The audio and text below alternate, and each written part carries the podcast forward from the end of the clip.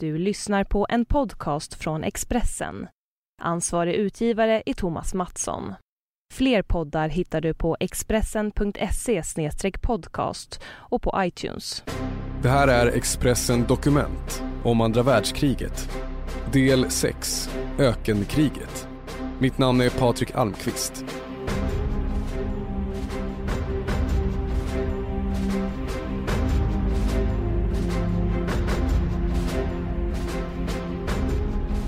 Det går galet för Benito Mussolinis styrkor i Nordafrika. För att rädda den italienska armén från fullständigt nederlag skickar Adolf Hitler sin Afrikakår till Tripoli. Pansargeneralen Erwin Rommel, kallad Ökenräven, har framgångar i början. Han kastar ut britterna ur Libyen och är på väg att erövra Egypten och den viktiga Suezkanalen. Hans motståndare blir general Bernard Montgomery, kallad Monty. Det stora pansarslaget utkämpas i El Alamein. Rommel tvingas fly. Striden i ökensanden blir det första svåra nederlaget för Hitler-Tyskland.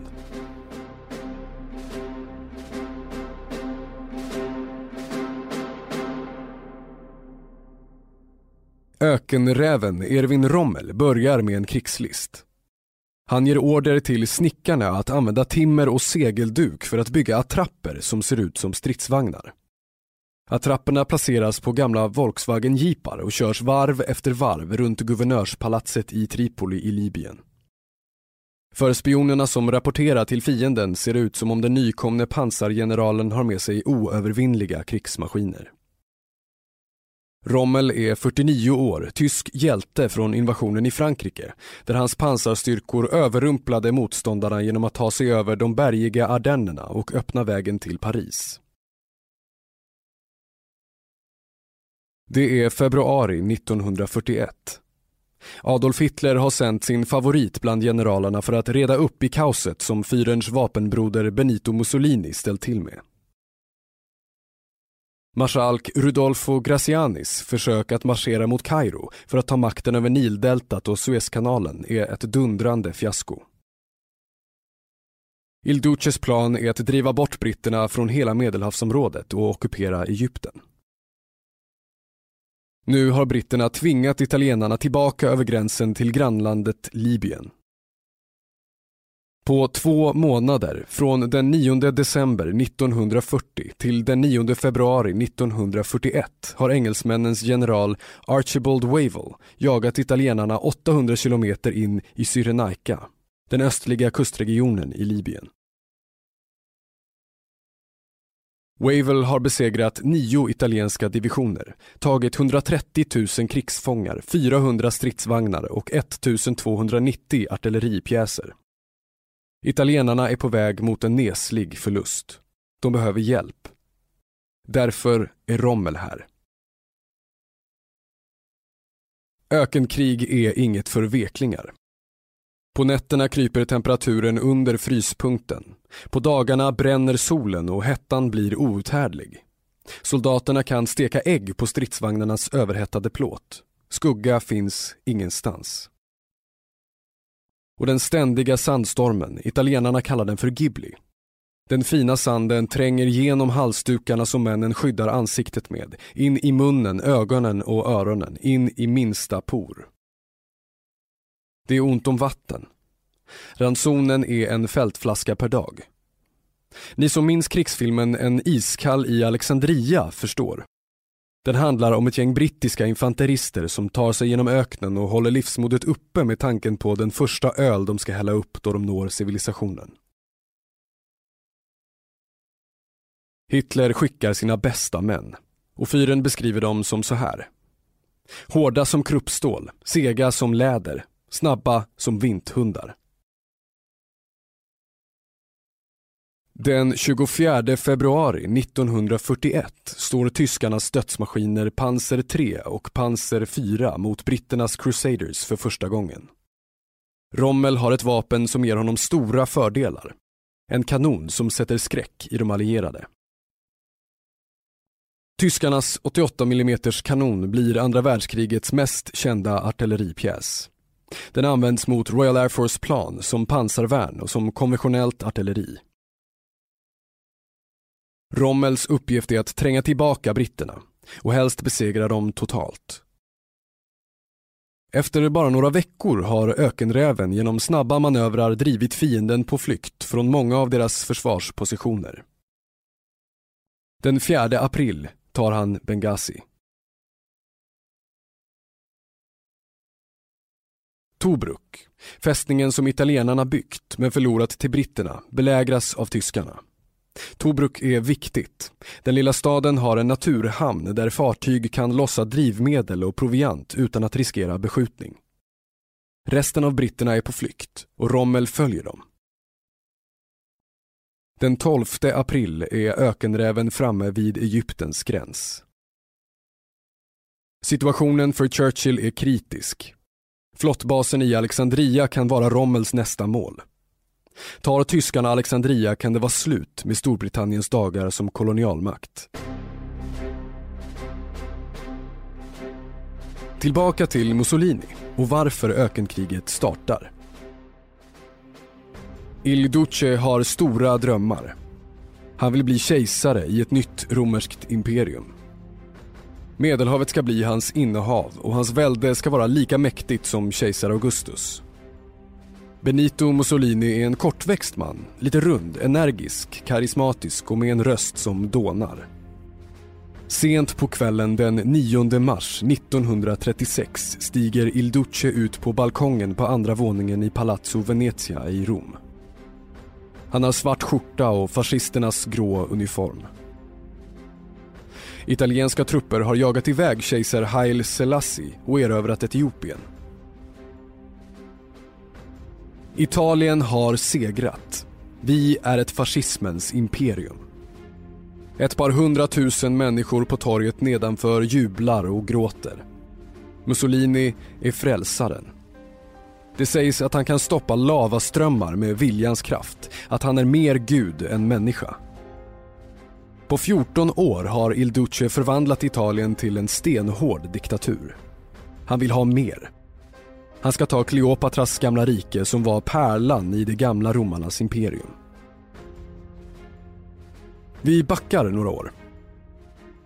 Mussolini är son till en smed och en sträng katolsk lärarinna. I tonåren börjar han ägna sig åt politik och gör en snabb karriär inom socialistpartiet.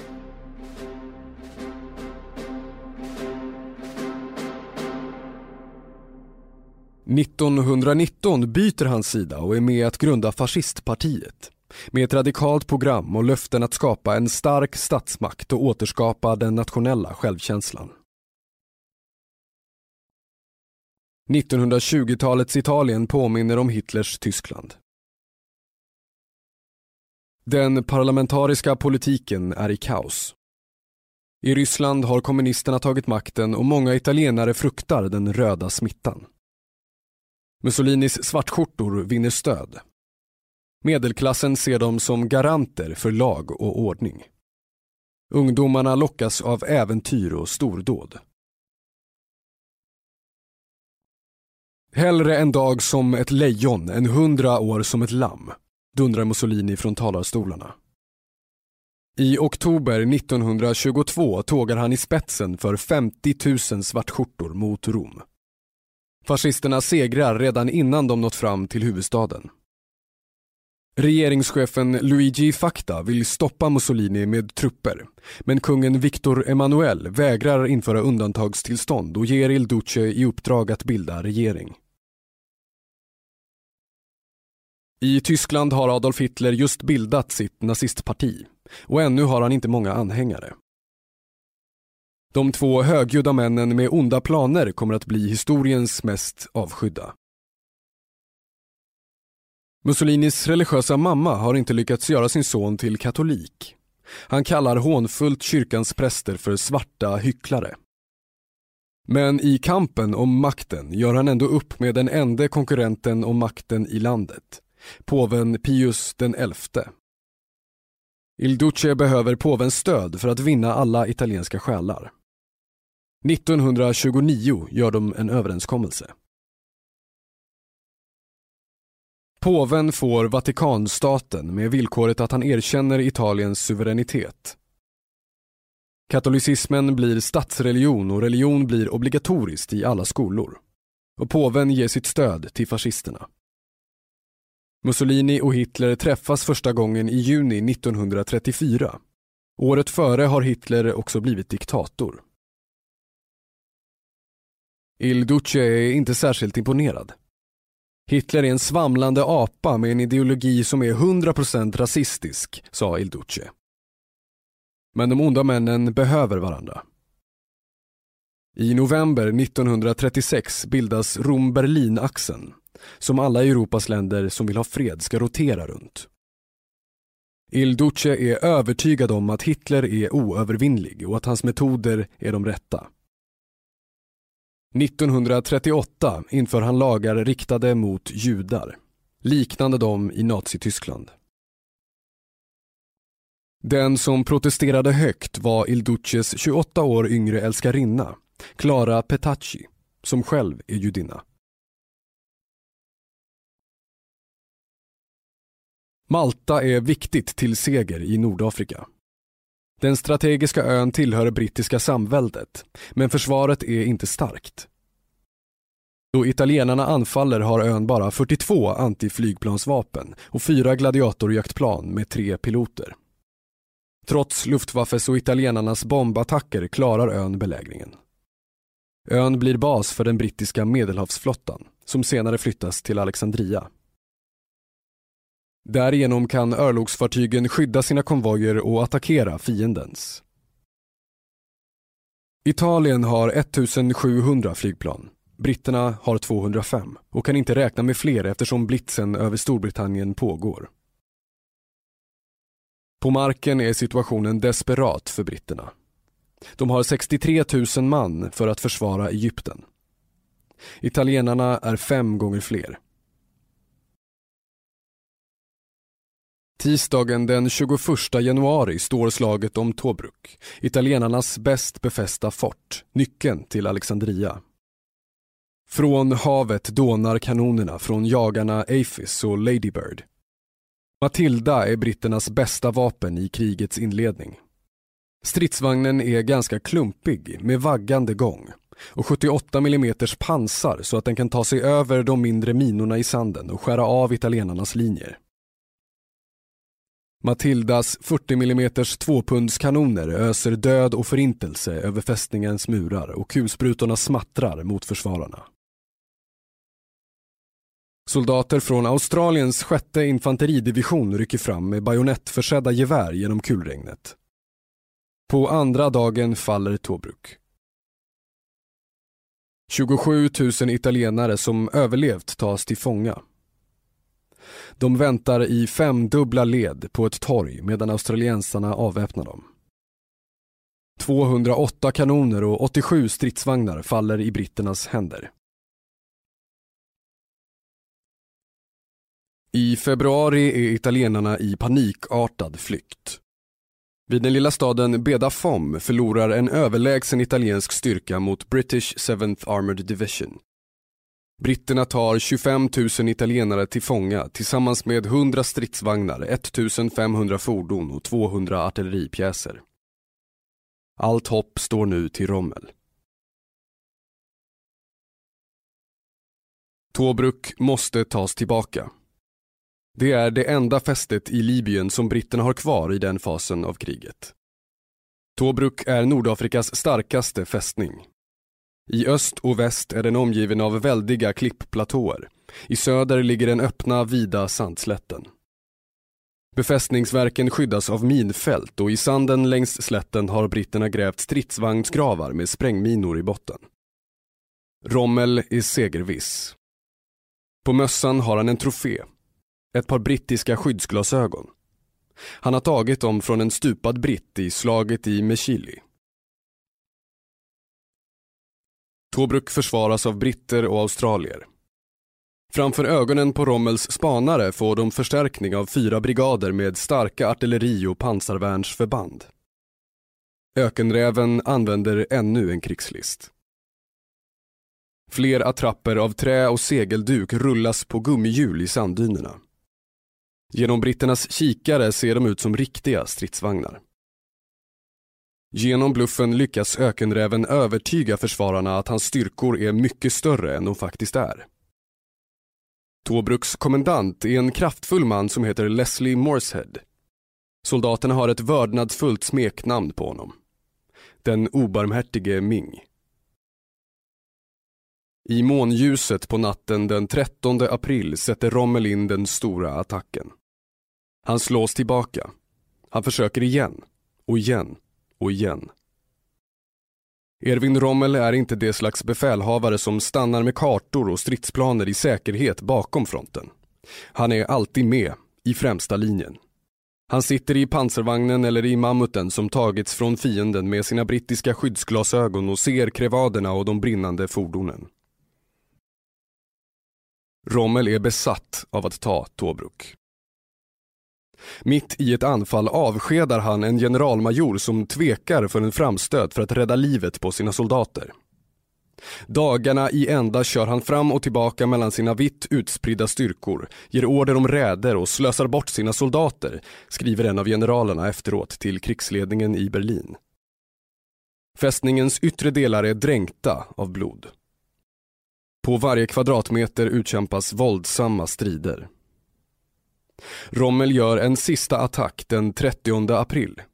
Den misslyckas. Afrikakåren har förlorat många stridsvagnar och ammunitionen börjar ta slut. Den obarmhärtige Ming har segrat. Misslyckandet att ta Tobruk kommer att bli olyckligt för axelmakternas krig i öknen. Rommel vågar inte avancera mot Kairo. Han riskerar att Mings styrkor anfaller honom i ryggen. Ökenkriget pågår i nästan tre år. Det är ett annat slags krig än det som Wehrmacht utkämpat i Polen och det som pågår i Ryssland.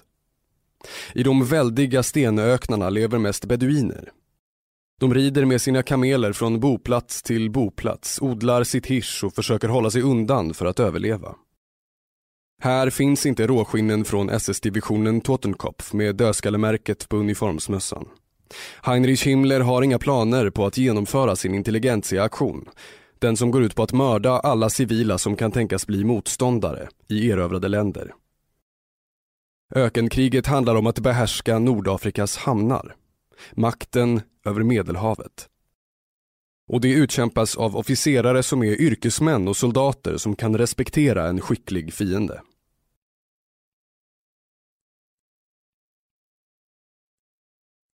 Hans von Luck är Rommels chef för ökenrävens pansarspaningsavdelning under ökenkriget. Hans uppgift är att vara Afrikakårens ögon och öron bland sanddynerna. I memoarboken Pansarchef under Rommel berättar han att det ofta råder ett respektfullt, nästan vänskapligt förhållande till fienden. Det är långa perioder av stillestånd Ofta ligger styrkorna nergrävda med minfält mellan sig och då och då gör Afrikakåren eller britterna ett anfall. Luke berättar att befälhavarna kan prata med varandra på fälttelefoner. Det blir en rutin i kaoset. Han skriver, vi stoppade fientligheterna klockan fem på eftermiddagen när britterna ville ha sin tea time. Genom kikarna såg vi hur de tände sina primuskök och började koka tevatten. Det passade oss också. Vi kunde koppla av och känna oss säkra tills solen gick upp. Major Luck skriver även om uppgörelser som krigsledningen i Berlin knappast skulle ha godkänt. En gång byts två tillfångatagna britter mot en miljon cigaretter. Bytet görs av officerare som med vita flaggor i händerna möts mitt i minfältet. Vid ett annat tillfälle får general Luck tillbaka en tysk militärläkare som gripits i utbyte mot en kartong malariamedicin som britterna behöver. Långt senare, då Afrikakåren är på flykt undan general Montgomerys styrkor i öknen i Tunisien, kommer en beduin ridande på en kamel till Hans von Lucks tält. Han har med sig ett brev från befälhavaren på Royal Dragons. Där står Käre major Luck Kriget i Afrika är avgjort och beklagligtvis inte till er förmån. Jag vill därför tacka er och all er personal för den fair play med vilken vi kämpat mot varandra på båda sidor. Jag och mina avdelningar önskar att ni alla återvänder från kriget oskadda och att vi än en gång får tillfälle att träffas under mer gynnsamma omständigheter.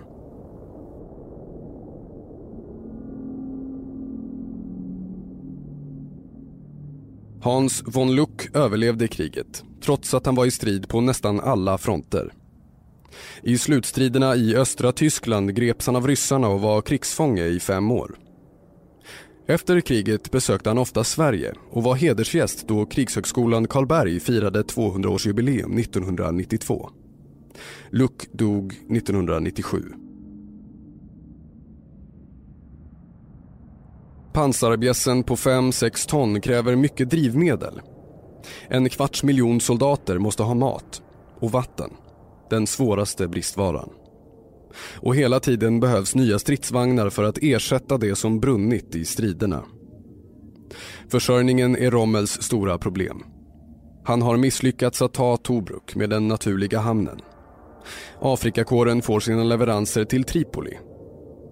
Det är 70 mil dit från stridsområdet och allt måste transporteras med bilar.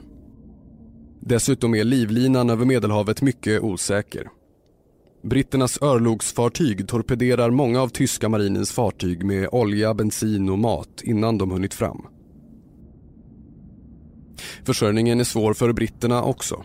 Störtbombarna Stuka och ettriga Messerschmitts gör livet surt för brittiska fartyg som kom med livsviktiga förnödenheter.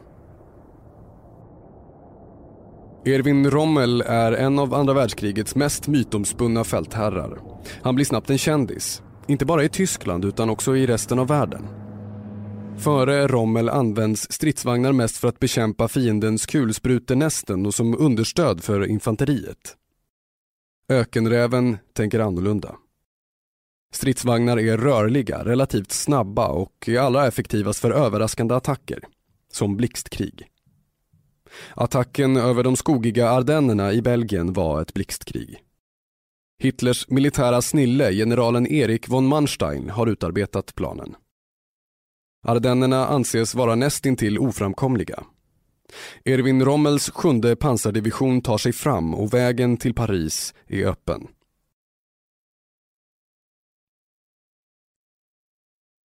Rommels division förflyttar sig snabbare och längre än någon trupp gjort tidigare. Rommels styrka kallas spökdivisionen på grund av att den förflyttar sig så snabbt att radiokommunikationen med tyskarnas högkvarter ofta bryts. På en enda dag avancerar Rommel 32 mil. Sjunde pansardivisionen är den första tyska enhet som når fram till Engelska kanalen. Därifrån styr Rommel söderut och stoppar inte förrän han nått gränsen till Spanien. Efter att Frankrike fallit i maj 1940 skickas Rommel till Paris för att förbereda operation Sjölejon. Hitlers plan att invadera Storbritannien. Britternas tappra motstånd gör att fyren ändrar planerna och Rommel återvänder till Tyskland.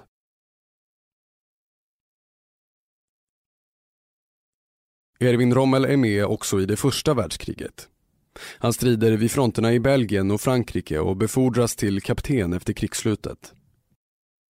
Rommel skriver en bok om krigstaktik. Infanteriet anfaller. Och en av läsarna är Adolf Hitler. Det är 1937. Fyren har blivit diktator i full färd med att utarbeta hemliga planer för krig och han inser att Rommel kan göra stor nytta för hans framtida Stortyskland. Rommel är inte nazist, han går aldrig med i partiet, men han svär, som alla officerare, trohetsed till Hitler. Han ogillar metoderna som flåbusarna i SA och SS använder. Men Rommel gillar nazismens fokus på ordning och disciplin. I Frankrike trotsar Rommel Hitlers direkta order att deportera judar till koncentrationslägren.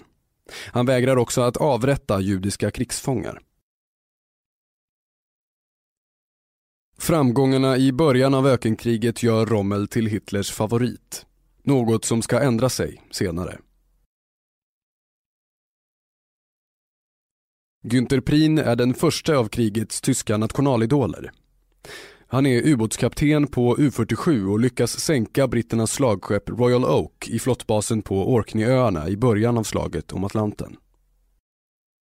Prien torpederar 30 fartyg Bland dem den svenska 3000-tonnaren Rydboholm från Göteborg. Prins ubåt sänks av en brittisk jagare våren 1941. Det tar tio veckor innan marinens chef Karl Dönitz bekräftar att Prin är borta. Hitler-Tyskland behöver en ny hjälte. Det blir Rommel. Propagandachefen Josef Goebbels sätter igång och bygger en myt.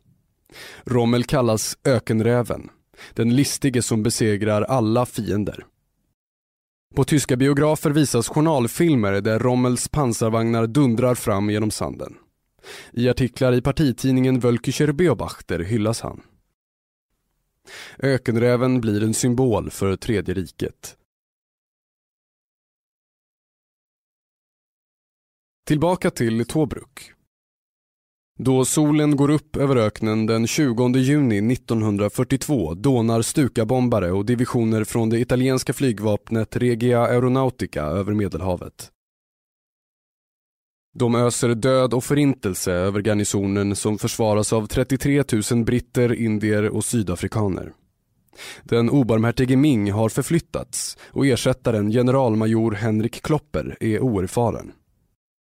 Generalen får telegram från Winston Churchill. Tobruk måste hållas till varje pris. Ökenräven sitter i en panser och ser 88 mm kanonerna dundra mot försvararna medan pionjärbataljonerna röjer väg genom minfälten. Klockan 8.30 når de första tyska stridsvagnarna fram till de yttre försvarsverken. Medan rökpelare stiger mot himlen från brinnande byggnader klyver tyskarna den 20 kilometer långa befästa ställningen i två delar. General Klopper kapitulerar morgonen efter. Rommel har segrat. Viktigaste bytet är förstås fästningen och den strategiska hamnen. Men också brittiska bilar och stridsvagnar, väldiga lager av drivmedel, ammunition och vapen. Och det som finns i andra förråd, 4 000 ton med allt som de tyska soldaterna saknat under månaderna i ökensanden. Tyskarna tar av sig sina svettiga uniformer, stormar förråden och byter till nystrukna brittiska skjortor och strumpor. Hitler är överlycklig. Han skickar telegram till Rommel och befordrar honom till fältmarskalk. Det råkar vara den första årsdagen av operation Barbarossa anfallet mot Sovjetunionen. Fyren är på toppen av sin makt. Han är övertygad om att britternas imperium är på väg att falla sönder. Tredje riket tycks oövervinnligt. Ökenräven gratuleras till den nya guldstjärnan på uniformen av sin vän Hans von Luck.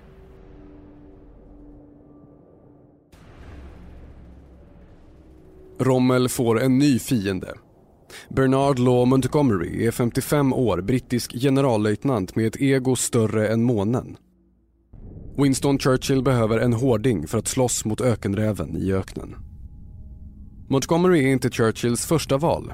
Han vill ha en officer med mer erfarenhet och har redan utnämnt William Strafer Gott, chefen för nionde armékåren. Innan Gott kommit iväg skjuts hans flygplan ner av en Messerschmitt och han omkommer. Därför blir det Montgomery Monty, som den nya chefen för ökensoldaterna kallas, är självupptagen, ärgirig och har ett gränslöst självförtroende. Han röker inte, smakar aldrig en droppe sprit. I en intervju får han frågan om vilka som är historiens tre främsta härförare. De andra två är Napoleon och Alexander den store, svarar Montgomery. Nu får han uppdraget att ta hand om den illa åtgångna åttonde armén och föra den till seger. Montgomery är inte populär bland sina soldater. Men, kommer det att visa sig, han är en mycket skicklig militär. El Alamein är ett litet samhälle där järnvägar korsas tio mil väster om Alexandria. Här står det sista stora slaget. Rommel är i Tyskland då det inleds. Han har stridit 20 månader i sträck och krafterna börjar ta slut. Därtill har han drabbats av gulsot och flyger till Semring i Österrike för att få vård. Rommels trupper har brist på fordon och bränsle eftersom Royal Air Force och Royal Navy sänker de flesta av fartygen som är på väg till honom. Han vet det inte än. Inte ens Hitler vet. Britterna har lyckats knäcka enigmakoderna som tyskarna använder för hemliga meddelanden. Britterna vet exakt när tyska fartyg är på väg mot Libyens kust. De skickar upp sina bombplan. Samtidigt får britterna ständigt nya vapen och soldater eftersom de behärskar Suezkanalen. Afrikakåren måste slå till snabbt för att ha en chans att segra. Tyskarna och italienarna har 110 000 man och 500 stridsvagnar som har drivmedel för bara 300 kilometer. Många av dem är italienska, tillverkade av Fiat och kallas sardinlådor eftersom pansaret är av usel kvalitet. Montgomery har dubbelt så många män och dubbelt så många stridsvagnar. Han har två nya triumfkort. 300 Sherman-stridsvagnar och 110,5 cm bandkanoner av typ M7 Priest som president Roosevelt skickat till sina allierade. Sherman är sprillans ny, en krigsmaskin med 75 mm kanon som kan slå ut en pansar på 2 km håll.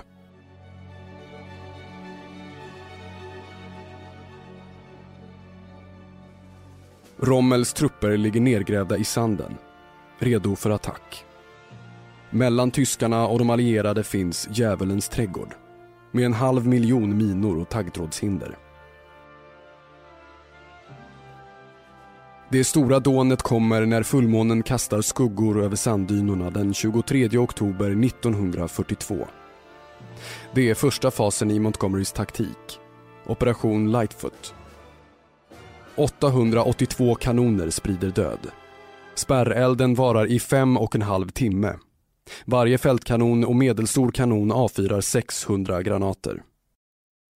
Samtidigt attackerar Royal Air Force från luften med bomber och kärvar av eld från kulsprutorna. 125 ton bomber fälls. Larmet är så öronbedövande att artilleristernas öron blöder. Även männen långt bakom fronten känner skakningarna i hela kroppen. Därpå går Montgomerys infanteri till attack. Soldaternas tyngd är inte tillräcklig för att utlösa stridsvagnsminorna som de springer över. Bakom dem kommer ingenjörstrupper och röjer väg. De sticker bajonetterna i sanden och lyfter upp minor. Varje korridor görs åtta meter bred för att Sherman-vagnarna ska kunna passera. Den märks ut med vita band och oljelampor. Morgonen efter, en katastrof för tyskarna. Montgomerys spärreld har brutit deras radioförbindelser. Divisionerna vet inte var de har sina kamrater eller vad de ska göra. Det blir total förvirring. Dessutom drabbas general Georg Stumme som är chef för Afrikakåren medan Rommel vårdas på sjukhus av hjärtattack och dör då hans bil beskjuts av Royal Air Force. Hitler ringer Rommel på sjukhuset och ger honom order att återvända och ta befälet. Situationen är förtvivlad. Rommel är inte återställd men han flyger ändå. Dagen därpå är han tillbaka i pansartruppernas högkvarter. Samma dag gör brittiska flygvapnet tusen bombräder över tyskarna och förstör många av deras stridsvagnar. Rommel kommer till ett kaos. Mer än hälften av hans styrka är utplånad. Stridsvagnarna saknar drivmedel, soldaterna är trötta och rädda. Ökenräven klarar att sätta in några attacker mot britternas flanker. Han vinner några sanddynor ena dagen och förlorar lika många dagen efter. Efter tolv dygns strider är slaget över. Montgomery är segraren. Nazityskland har för första gången under världskriget förlorat en viktig strid. På kvällen den 3 november skickar Rommel telegram till Hitler. Vi måste retirera, fienden är övermäktig. Morgonen efter får han svar från fyren. Det finns bara ett val ni kan erbjuda era soldater. Segra eller dö. Då är det som återstår av ökenrävens styrkor redan på flykt mot säkerheten i Tunisien. Rommel anar vad Hitler skulle svara på hans telegram. Han ger upp inför den hopplösa övermakten för att rädda de män som ännu lever. Pansarslaget vid El Alamein är historiens största. Rommel har förlorat 55 000 män, 1100 kanoner och 460 stridsvagnar. Montgomerys förluster är 13 500 män, 500 stridsvagnar och 100 kanoner. För Montgomery är slaget en personlig seger. Då han adlas tar han sig titeln Viscount Montgomery av Alamein.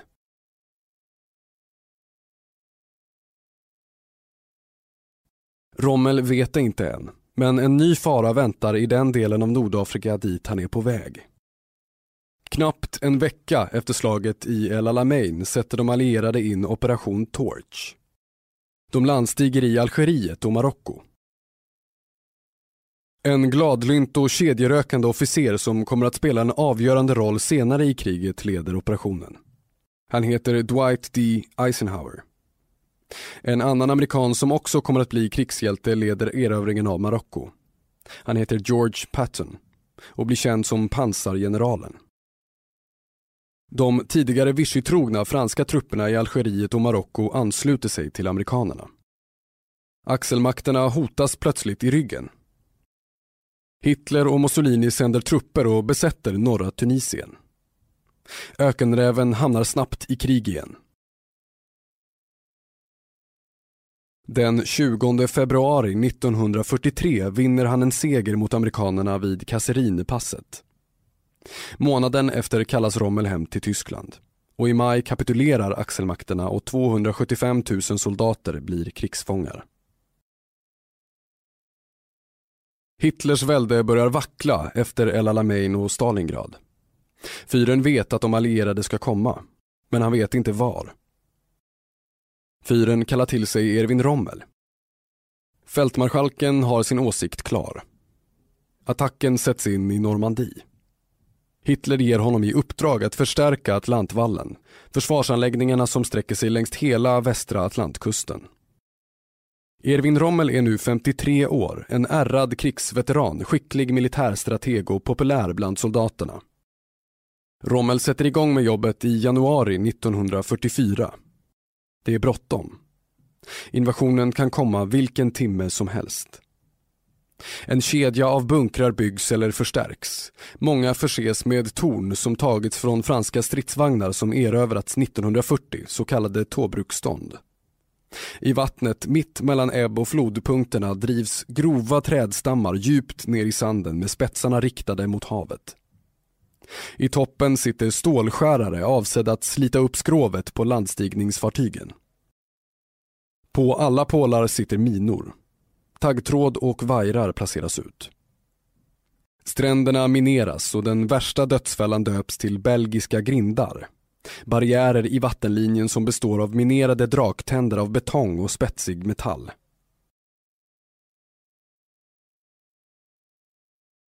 Rommel förstår att öppna fält inåt landet ska användas för luftlandsättningar med glidflygplan och fallskärmstrupper. På fälten sätts kraftiga pålar i avsikt att krossa glidflygplanen då de landar. Stolparna blir kända som Rommels sparrisar. De binds ihop med taggtråd och stridsvagnsminor läggs ut. De allierade ska få ett fasansfullt mottagande.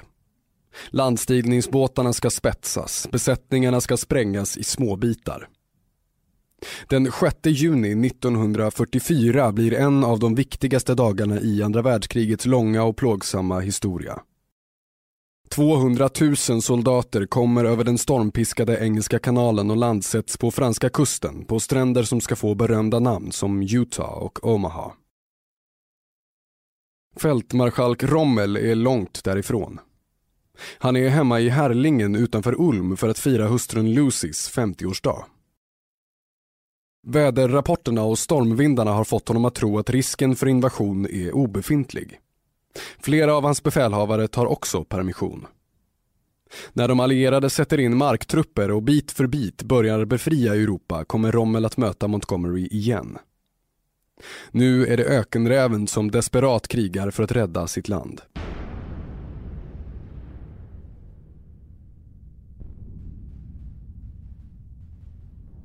För Rommel går det illa. Efter tyskarnas militära fiasko i Normandie inser en grupp höga militärer att kriget är förlorat och att Hitler måste bort. Den 20 juli försöker överste Klaus von Stauffenberg mörda fyren genom att placera en bomb i hans varglya i Ostpreussen. Hitler överlever och några timmar senare avrättas översten och hans sammansvurna.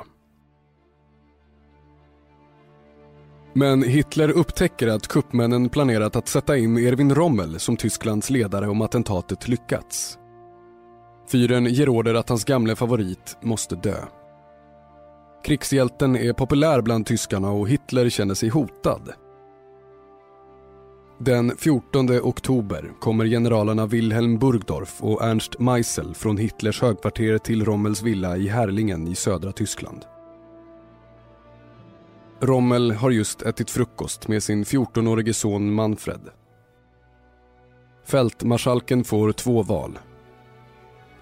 Självmord eller att sonen och hustrun Lucy skickas till koncentrationsläger och Rommel själv döms till döden för högförräderi. Rommel gör sitt val. Han går upp på övervåningen, byter sina civila kläder mot uniform. Jag ska ta en biltur med de här herrarna, säger Rommel till sonen. En kvart senare får Manfred Rommel ett samtal från sjukhuset. Hans pappa är död. Generalerna ger honom en cyanidampull och tre sekunder efter att krigshjälten stoppat den i munnen är han död. Rommel får en statsbegravning med pompa och ståt och militär parad. Allting arrangerades av propagandaminister Goebbels. Du har lyssnat på Expressen Dokument om andra världskriget. Del 6.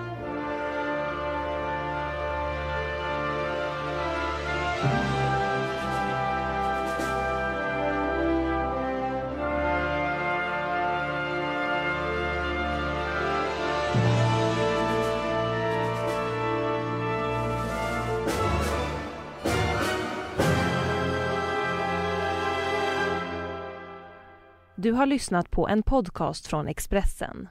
Ansvarig utgivare är Thomas Mattsson. Fler poddar hittar du på expressen.se podcast och på iTunes.